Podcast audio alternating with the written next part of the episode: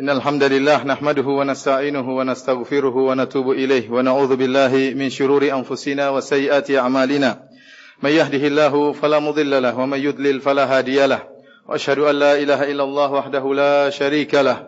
وأشهد أن محمدا عبده ورسوله لا نبي بعده. يا أيها الذين آمنوا اتقوا الله حق تقاته ولا تموتن إلا وأنتم مسلمون. فإن أصدق الحديث كتاب الله وخير الهدى هدى محمد صلى الله عليه وسلم.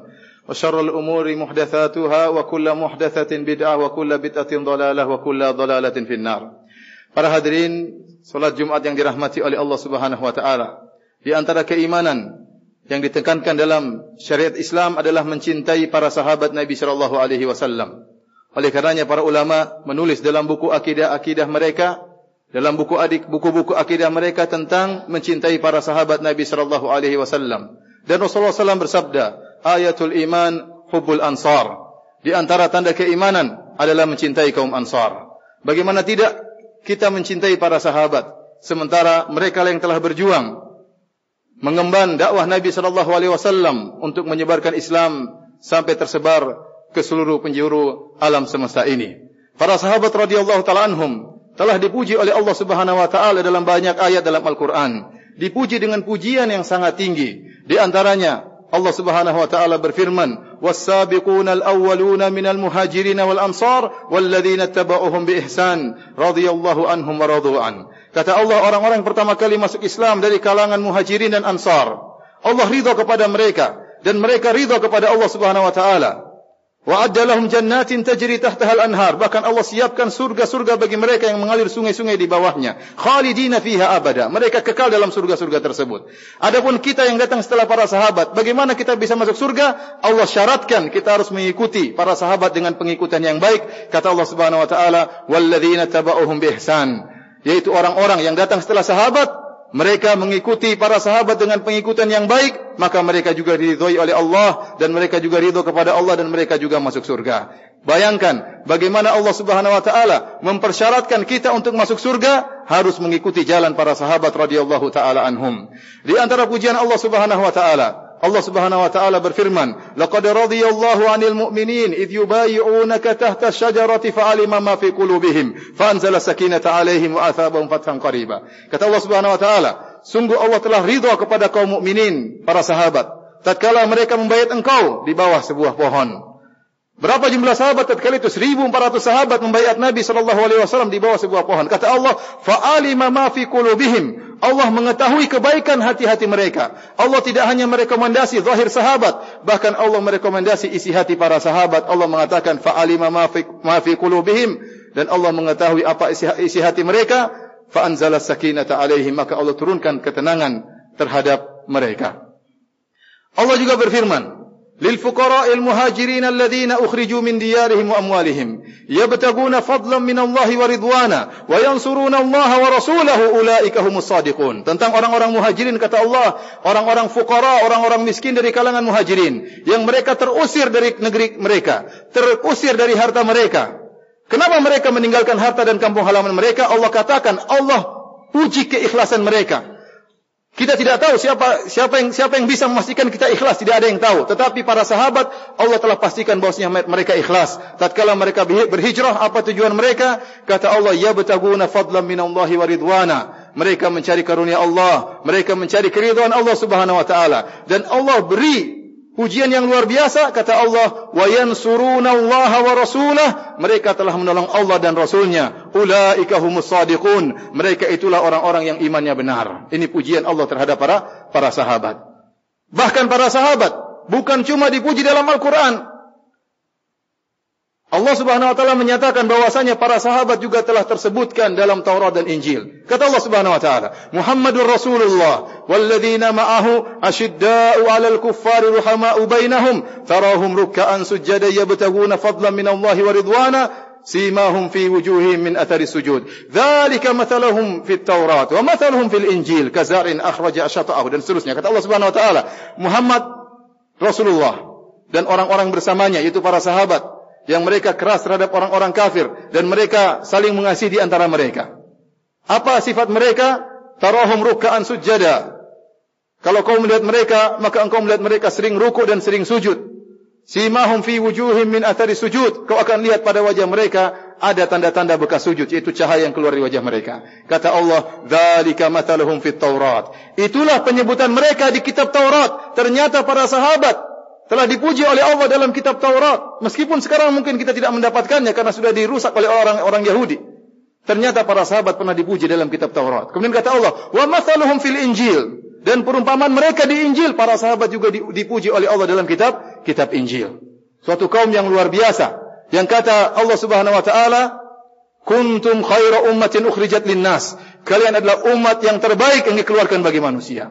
Bagaimana mereka bukan umat terbaik? Guru mereka adalah Rasulullah sallallahu alaihi wasallam. Guru mereka adalah nabi terbaik. Maka pantas dan wajar jika murid-muridnya adalah umat yang terbaik yaitu para sahabat. Kata Nabi wasallam, "Khairun nasi qarni, thumma alladhina yalunahum, thumma alladhina yalunahum." Sebaik-baik generasi generasi adalah generasiku, yaitu para sahabat, kemudian setelahnya dan yang setelahnya. Barang siapa yang baca sejarah para sahabat, maka mereka akan mendapatkan kisah-kisah yang menakjubkan yang luar biasa. Yang kalau tidak diriwayatkan dengan riwayat-riwayat yang sahihah, maka kita akan berkata itu adalah hanyalah khayalan. Tetapi kisah-kisah tersebut diriwayatkan dengan riwayat-riwayat yang sahih yang menjelaskan bahwasanya itu pernah terjadi. Lihatlah bagaimana para sahabat radhiyallahu taala anhum ya berjuang berjihad bersama Nabi sallallahu alaihi wasallam dengan perjuangan yang luar biasa. Ada suatu perang namanya perang Zatul Riqa di mana para sahabat harus berjalan ratusan kilometer berjalan untuk mengejar para musuh. Kemudian mereka berjalan melewati batu-batuan, melewati kerikil sampai akhirnya khuf-khuf mereka, sepatu-sepatu mereka rusak dan akhirnya mereka harus melilitkan kain di kaki-kaki mereka untuk berjalan ratusan kilo. Lihatlah para sahabat radhiyallahu taala anhum. Diriwayatkan bagaimana para sahabat meskipun mereka berjihad, mereka juga berpuasa di jalan Allah Subhanahu wa taala. Lihatlah bagaimana perang Ghazwah Mu'tah, perang Mu'tah. Para sahabat harus berjalan dari kota Madinah menuju Mu'tah 1100 km di zaman tersebut untuk menghadapi pasukan Romawi yang jumlahnya tatkala itu 200 ribu sementara para sahabat jumlahnya cuma 3 ribu para sahabat radhiyallahu taala anhum. Kalau kita lihat bagaimana salat mereka, lihatlah Abbad bin Bishr radhiyallahu taala anhu. Abbad bin Bishr suatu hari ditugaskan oleh Nabi wasallam untuk berjaga di malam hari. Tatkala di malam hari dia pun salat, tiba-tiba ada anak panah yang mengenai tubuhnya dari panah orang-orang dari orang-orang musyrikin. Mengenai tubuhnya lantas darah pun mengalir dia melanjutkan solatnya, solatnya meskipun tubuhnya telah terkena anak panah. Maka datang lagi anak panah kedua mengenai tubuhnya, dan dia terus melanjutkan solatnya. Datang lagi anak panah ketiga mengenai tubuhnya, kemudian darah terus mengalir. Maka dilihat oleh Ammar bin Yasir radhiyallahu anhu, kasihan melihat Abbad bin Bishr radhiyallahu anhu, ada apa gerangan? Maka Abbad bin Bishr mengatakan, saya tadi sedang baca suatu surat dan saya tidak ingin berhenti sebelum selesai saya membaca surat tersebut. Sehingga meskipun terkena anak panah, dia berlesat-lesat dalam solat membaca surat tersebut. Inilah para sahabat radhiyallahu taala anhum. Ya. Apakah ada di antara kita yang bisa menginfakkan seluruh hartanya? Mustahil di zaman sekarang ini menginfakkan seluruh hartanya. Dari para sahabat Abu Bakar radhiyallahu taala anhu menginfakkan seluruh hartanya di jalan Allah Subhanahu wa taala. Oleh karenanya Nabi sallallahu alaihi wasallam berkata, "Ma abqaita li ahlik?" Apa yang kau tinggalkan untuk keluargamu? Kata Abu Bakar radhiyallahu taala anhu, "Abqaitu lahumullah wa rasulah." Aku tinggalkan untuk mereka Allah dan Rasulnya. Oleh karenanya para hadirin yang dirahmati oleh Allah Subhanahu wa taala, sungguh kalau kita melihat bagaimana perjuangan para sahabat, bagaimana ibadah para sahabat, bagaimana keimanan para sahabat, maka seakan-akan hanyalah khayalan, akan tapi itu adalah kenyataan karena diriwayatkan dengan hadis-hadis yang sahihah. Kita tidak heran. Kenapa? Karena guru mereka adalah Rasulullah sallallahu alaihi wasallam. Di antara para sahabat yang paling mulia, para sahabat yang paling senior, dia adalah Abu Bakar radhiyallahu taala anhu. Yang kata Nabi sallallahu alaihi wasallam, khairu khairu hadhihi al-ummati ba'da nabiyha Abu Bakrin. Sebaik-baik orang dalam umat ini setelah nabinya adalah Abu Bakar radhiyallahu taala anhu. Rasulullah sallallahu alaihi wasallam telah menjamin Abu Bakar dalam surga. Kata Nabi wasallam Abu Bakar fil jannah. Abu Bakar di surga. Bahkan turun ayat-ayat Al-Qur'an memuji Abu Bakar radhiyallahu taala anhu. Di antaranya firman Allah Subhanahu wa taala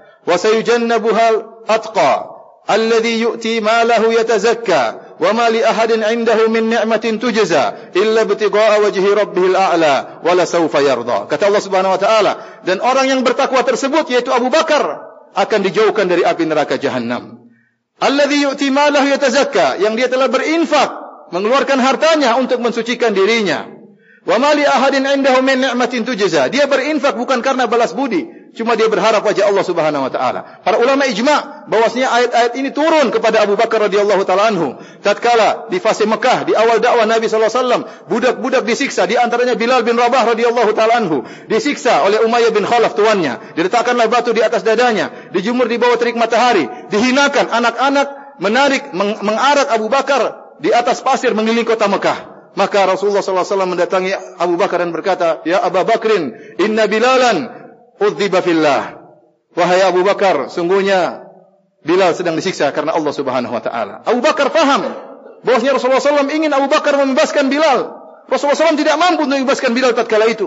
Sementara Abu Bakar saudagar kaya raya, maka Abu Bakar pun datang lalu membebaskan Bilal dengan harga yang mahal. Dan sebagian sahabat yang disebutkan enam atau tujuh budak dibebaskan oleh Abu Bakar radhiyallahu taala anhu. Sampai-sampai ayahnya mengatakan, wahai Abu Bakar, kalau kau ingin membebaskan budak, bebaskanlah budak yang kuat, bukan budak-budak yang lemah. Kata Abu Bakar, saya mencari wajah Allah subhanahu wa ta'ala. Maka turunlah ayat, bahwasanya Abu Bakar membebaskan Bilal bukan karena ada hutang budi sama sekali. Illa betiga'a wajhi rabbil a'la. Beliau hanya mencari wajah Allah subhanahu wa ta'ala. Maka apa balasan yang Allah berikan kepada Abu Bakar? Kata Allah subhanahu wa ta'ala, wala sawfa yardo. Kau akan ridho, kau akan puas. Puas dengan apa? Puas dengan surga Allah subhanahu wa ta'ala di hari kiamat kelak. Di antara ayat yang turun tentang Abu Bakar radhiyallahu taala anhu, tatkala terjadi fitnah yang dituduhkan kepada Sayyidah Aisyah radhiyallahu taala anha dituduh sebagai pezina. Dan di antara yang menuduh Aisyah sebagai pezina adalah Mistah, kerabat Abu Bakar yang selama ini Abu Bakar beri infak kepada dia untuk makan dan minumnya yang berinfak adalah Abu Bakar radhiyallahu taala anhu. Ternyata Mistah, ya, membalas kebaikan Abu Bakar dengan keburukan dengan menuduh putrinya sebagai pezina. Maka Abu Bakar pun marah tatkala itu. Abu Bakar mengatakan saya tidak akan beri infak lagi kepada Mistah. Maka Allah turunkan ayat menegur Abu Bakar radhiyallahu taala anhu. Kata Allah Subhanahu wa taala wala ya'tali ulul fadli minkum was-sa'ati an yu'tu ulil qurba wal masakin wal muhajirin fi sabilillah. Falyafu wal yasfahu ala tuhibbuna ay yaghfirallahu lakum? Kata Allah janganlah orang-orang yang memiliki ulul fadl yang memiliki karunia yang memiliki keutamaan seperti Abu Bakar. Janganlah mereka bersumpah untuk tidak memberi nafkah kepada orang-orang miskin kepada karib kerabat kepada orang-orang ber, berhijrah di jalan Allah Subhanahu wa taala. Kata Allah falyafu wal yasfahu hendaknya mereka memaafkan dan berlapang dada. Ala tuhibbuna ay yaghfirallahu lakum? Tidakkah kalian suka kalau Allah memaafkan kalian Maka Abu Bakar mengatakan, saya maafkan dia. Maka di sini jelas bahwasanya Abu Bakar diampuni oleh Allah dosa-dosanya karena dia telah memaafkan Mistah radhiyallahu taala anhu. Di antara ayat yang agung yang memuji Abu Bakar radhiyallahu taala anhu, yaitu Allah berfirman, "Illa tansuruhu faqad nasarahu Allah id akhrajahu alladhina kafaru thani ithnain id huma fil ghar id yaqulu li sahibihi la tahzan inna Allah ma'ana." Tatkala kata Allah, kalau kalian tidak menolong Muhammad, illa tansuruhu kalau kalian tidak menolong Muhammad faqad nasarahu Allah sungguh Allah telah menolong Muhammad. Bagaimana cara Allah menolong Muhammad? Allah menjadikan Abu Bakar dan Rasulullah SAW berjalan keluar dari Mekah menuju kota Madinah berhijrah. Allah menjadikan orang yang menemani Rasulullah SAW adalah Abu Bakar radhiyallahu taala anhu. Thani yathnaini idhuma fil ghar. Sampai Allah sebutkan Nabi dengan Abu Bakar berdua. Kata Allah Subhanahu wa taala orang yang kedua berkata kepada temannya tatkala mereka dalam goa. Idh yaqulu li sahibihi. Tatkala Muhammad berkata kepada sahabatnya itu Abu Bakar, "La tahzan, jangan kau sedih wahai Abu Bakar. Inna Allah ma'ana. Allah bersama kita. Allah bersama saya dan bersama kamu wahai Abu Bakar." Dalam hadis Rasulullah SAW mengatakan tatkala Abu Bakar ketakutan, kata Rasulullah wasallam, "Ya Abu Bakrin, ma dhannuka Bisnaini Allahu salisuhuma. Wahai Abu Bakar, bagaimana menurutmu tentang dua orang? Allah ketiga bersama mereka. Ini dalil bahwasanya Allah bersama Nabi sallallahu alaihi wasallam dan Allah bersama Abu Bakar radhiyallahu taala anhu. Adapun hadis-hadis yang menceritakan tentang keutamaan Abu Bakar sangatlah banyak. Dialah lelaki pertama yang masuk Islam. Lelaki dewasa pertama masuk Islam adalah Abu Bakar radhiyallahu taala anhu. Sehingga Ibnu Hajar mengatakan, seluruh orang dewasa yang masuk Islam setelah Abu Bakar seluruh pahalanya mengalir kepada Abu Bakar. Kenapa? Karena dia telah memberi contoh yang ter, yang baik dan diikuti oleh orang-orang. Dan semua orang yang mencontohinya, mengikutinya, pahalanya juga mengalir kepada Abu Bakar radhiyallahu taala anhu. Dan waktu Abu Bakar masuk Islam, Abu Bakar berdakwah dengan luar biasa seakan-akan dia berdakwah seperti Nabi sallallahu alaihi wasallam. Sampai masuk Islam dari tangan Abu Bakar orang-orang yang sangat mulia yang juga dijamin masuk surga. Seperti siapa? Abdurrahman bin Auf. Seperti Zubair bin Awam Talha bin Ubaidillah. Ya. Ya ini di antara orang-orang Sa'ad bin Abi Waqqas. Lima orang dijamin masuk surga oleh Nabi wasallam. Ternyata mereka masuk Islam lewat tangannya Abu Bakar radhiyallahu taala anhu. Bagaimana lagi dengan Abu Bakarnya radhiyallahu taala anhu? Kemudian Abu Bakar radhiyallahu taala anhu diberi gelar dengan As-Siddiq yang senantiasa membenarkan. Suatu hari Rasulullah SAW naik di atas gunung Uhud bersama Abu Bakar, bersama Umar, bersama Utsman. Fartajafa Uhud, tiba-tiba gunung Uhud bergetar. Maka Rasulullah SAW mengatakan, "Uskun ya Uhud, tenanglah engkau wahai gunung Uhud, fa inna ma 'alaika nabiyyun wa siddiqun wa syahidan." Sungguhnya di atas engkau adalah seorang nabi dan ada seorang siddiq yaitu Abu Bakar, wa syahidan dan dua orang akan mati syahid, yaitu Umar dan Utsman radhiyallahu taala anhum. Oleh karenanya Rasulullah SAW mengatakan, "Ma'aratu hadzal amr ala ahadin illa kanat minhu kabwah illa makana min Abi Bakar radhiyallahu anhu." Tidaklah aku memaparkan agama ini kepada seorang pun kecuali ada timbul keraguan tidak langsung terima, kecuali Abu Bakar langsung terima.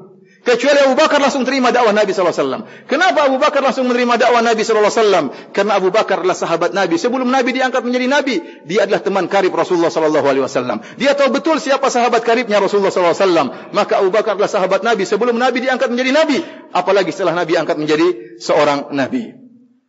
Suatu hari dalam Sahih Al-Bukhari Abu Darda berkata, "Kuntu jalisan inda Nabi sallallahu alaihi wasallam." Saya sedang duduk bersama Nabi sallallahu alaihi wasallam. Id aqbala Abu Bakrin Tiba-tiba datang Abu Bakar radhiyallahu taala anhu, akhidan bi tarfi thawbihi, terburu-buru sambil memegang ujung bajunya.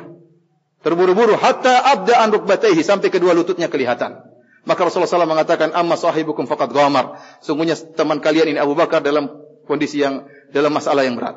Maka kemudian Abu Bakar berkata, "Ya Rasulullah," Abu Bakar melapor kepada Nabi, "Ya Rasulullah, inni kana baini wa baina Umar syai'un fa asra'tu ilaihi." Ya Rasulullah, tadi ada masalah antara aku dengan Umar.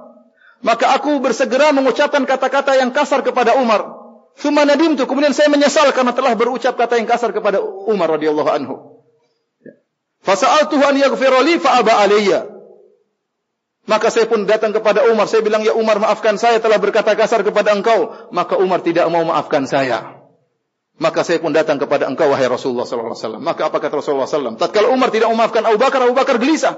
Maka dia laporkan hal ini kepada Nabi sallallahu alaihi wasallam. Apa kata Nabi sallallahu alaihi wasallam? Yaghfirullahu laka ya Abu Bakrin, yaghfirullahu laka ya Abu Bakrin, yaghfirullahu laka ya Abu Bakrin. Allah ampuni engkau wahai Abu Bakar. Allah ampuni engkau wahai Abu Bakar. Tiga kali Rasulullah sallallahu sebutkan. Seakan-akan Nabi berkata, meskipun Umar tidak maafkan engkau wahai Abu Bakar, Allah maafkan engkau. Jangan khawatir.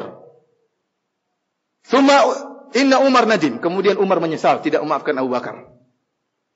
Maka fa'ata manzila Abu Bakr, maka dia pun mendatangi rumah Abu Bakar.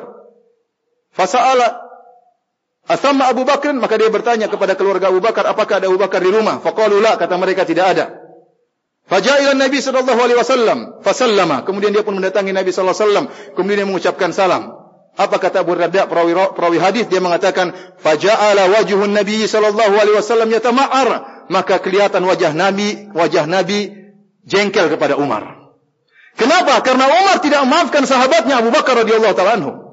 Siapa Umar? Umar adalah orang dijamin masuk surga.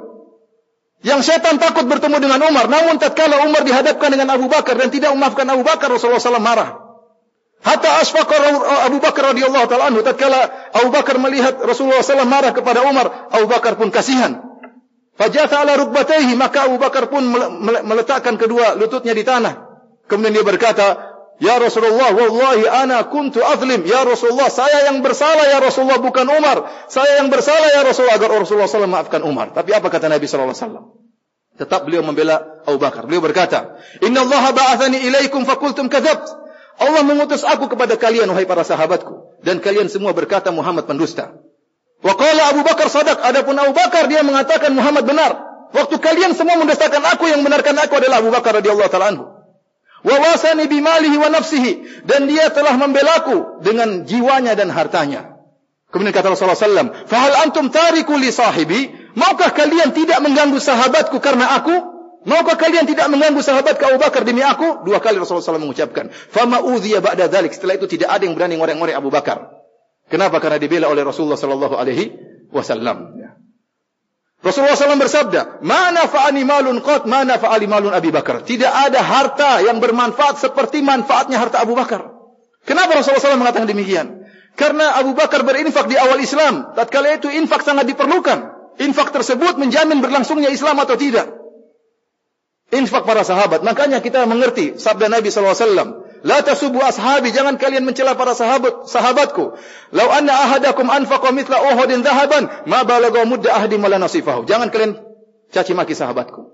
Ya Rasulullah SAW ingatkan, sahabatku juga punya salah. Tetapi kebaikan mereka sebanyak buih di lautan.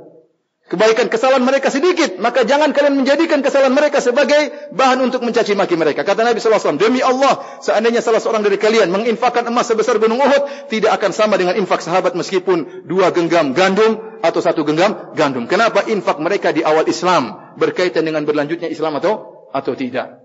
Para hadirin dan dan yang dirahmati oleh Allah Subhanahu wa taala. Ini ya sedikit dari keutamaan Abu Bakar, bagaimana infak beliau, bagaimana ibadah beliau.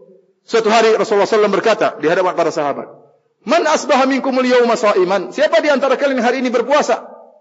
Kata Abu Bakar, "Ana ya Rasulullah, saya berpuasa."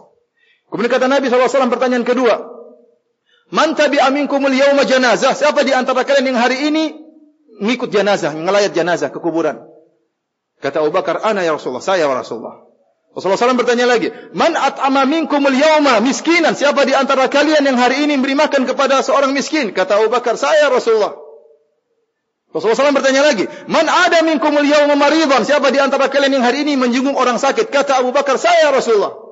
Subhanallah. Ibadah seluruh hidupnya isinya ibadah. Maka Nabi SAW mengatakan, Majtama'na fimri'in illa dakhalal jannah. Tidaklah sifat-sifat ini terkumpulkan pada seorang kecuali masuk masuk surga. Umar bin Khattab radhiyallahu taala anhu berkata, "Amarana Nabi amarana Nabi sallallahu alaihi wasallam an natasaddaq." Rasulullah SAW memerintahkan kami untuk bersedekah. Ya. Fawaqa fawafaqa dzalika malan indi.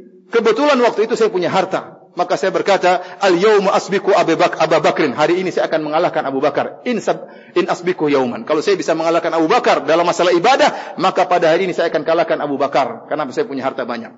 Maka Umar pun mendatangi Nabi wasallam, "Fajituhu binisfi mali." Maka saya pun menemui Rasulullah wasallam dengan bawa setengah hartaku. Maka Rasulullah SAW bertanya, Ma abu li ahlik? Apa yang kau tinggalkan buat anak istrimu? Kata Umar, Mislahu, saya tinggalkan setengah hartaku. Fajah Abu Bakar, Bikulli ma indahu. Tiba-tiba datang Abu Bakar dengan seluruh hartanya. Seluruh hartanya diserahkan di hadapan Nabi. Maka Nabi bertanya, Ma abu li ahlik? Apa yang kau tinggalkan buat keluargamu? Kata Abu Bakar, Abu lahumullah wa rasulah aku sisakan buat mereka Allah dan Rasulnya. Ya. Maka kita harus cinta kepada Abu Bakar. Bagaimana tidak kita cinta kepada Abu Bakar? Orang yang paling dicintai Nabi dari kalangan lelaki adalah Abu Bakar. Amr bin As berkata, Ya Rasulullah, man ahbun nasi ilaik? Siapa yang kau cintai di antara manusia yang paling kau cintai, wahai Rasulullah? Kata Rasulullah SAW, Aisyah. Aisyah yang paling aku cintai. Wa minar rijal, lelaki yang paling kau cintai, wahai Rasulullah? Kata Rasulullah SAW, Abuha, ayahnya. Siapa? Abu Bakar radhiyallahu taala anhu. Maka mencintai Abu Bakar adalah ibadah. Mencintai Abu Bakar radhiyallahu taala anhu adalah keimanan. Mencintai Abu Bakar radhiyallahu taala anhu adalah kebanggaan. Sebagaimana Anas bin Malik radhiyallahu taala anhu berkata, "Fa inni uhibban nabi wa uhibbu Abu Bakar wa Umar wa arju an akuna ma'ahum bi hubbi iyyahum." wa illa ma'amal bimithli amalihim. Aku mencintai Nabi kata Anas. Aku mencintai Abu Bakar dan aku mencintai Umar dan aku berharap dikumpulkan dengan mereka pada hari kiamat kelak karena aku cinta kepada mereka meskipun aku tidak bisa beramal seperti amalan mereka. Oleh karena Ibnu Jauzi rahimahullah berkata, "Inna salafa kanu yu'allimuna auladahum hubba hubba Abi Bakar wa Umar kama yu'allimunahum as-suwara minal Qur'an." para salaf dahulu mengajarkan anak-anak mereka untuk cinta kepada Abu Bakar dan Umar sebagaimana mereka mengajarkan anak-anak mereka surat-surat dari Al-Qur'an. Barakallahu li wa lakum fil Qur'an wa nafa'ani bima fihi ma min al-hadi wa dhikril hakim. Aqulu ma tasma'un wa astaghfirullah li wa lakum wa li sa'iril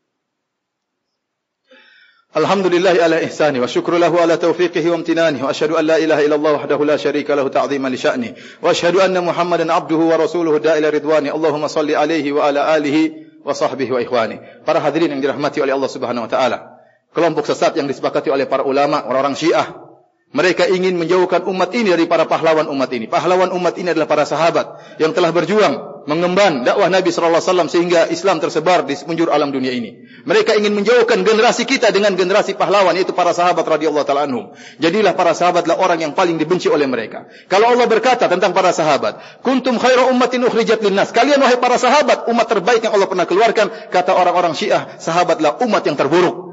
Kata orang-orang Syiah, sahabat adalah umat yang terburuk. Kalau kita mengatakan orang yang paling dicintai oleh Nabi adalah Abu Bakar. Kalau Rasulullah SAW mengatakan Abu Bakar fil jannah, Abu Bakar di surga, kata mereka Abu Bakar di neraka jahanam. Di neraka jahanam yang paling bawah. Oleh karenanya di antara doa mereka dikenal dengan doa Sunamai, Sunamai Quraisy. Doa yang afdal menurut mereka. Barang siapa yang baca doa ini, maka seakan-akan dia berjihad bersama Nabi sallallahu alaihi wasallam. Ikut perang dalam perang dalam perang Badar, dalam perang Uhud, dalam perang Hunain dan dia telah melepaskan satu juta anak panah gara-gara baca doa ini. Apa doa tersebut? Doa tersebut dikenal dengan doa dua berhala Quraisy. Apa isinya? Isinya Allahumma al'an sanamai Quraisy. Ya Allah laknatlah dua berhala kaum Quraisy. Maksud mereka adalah Abu Bakar dan dan Umar.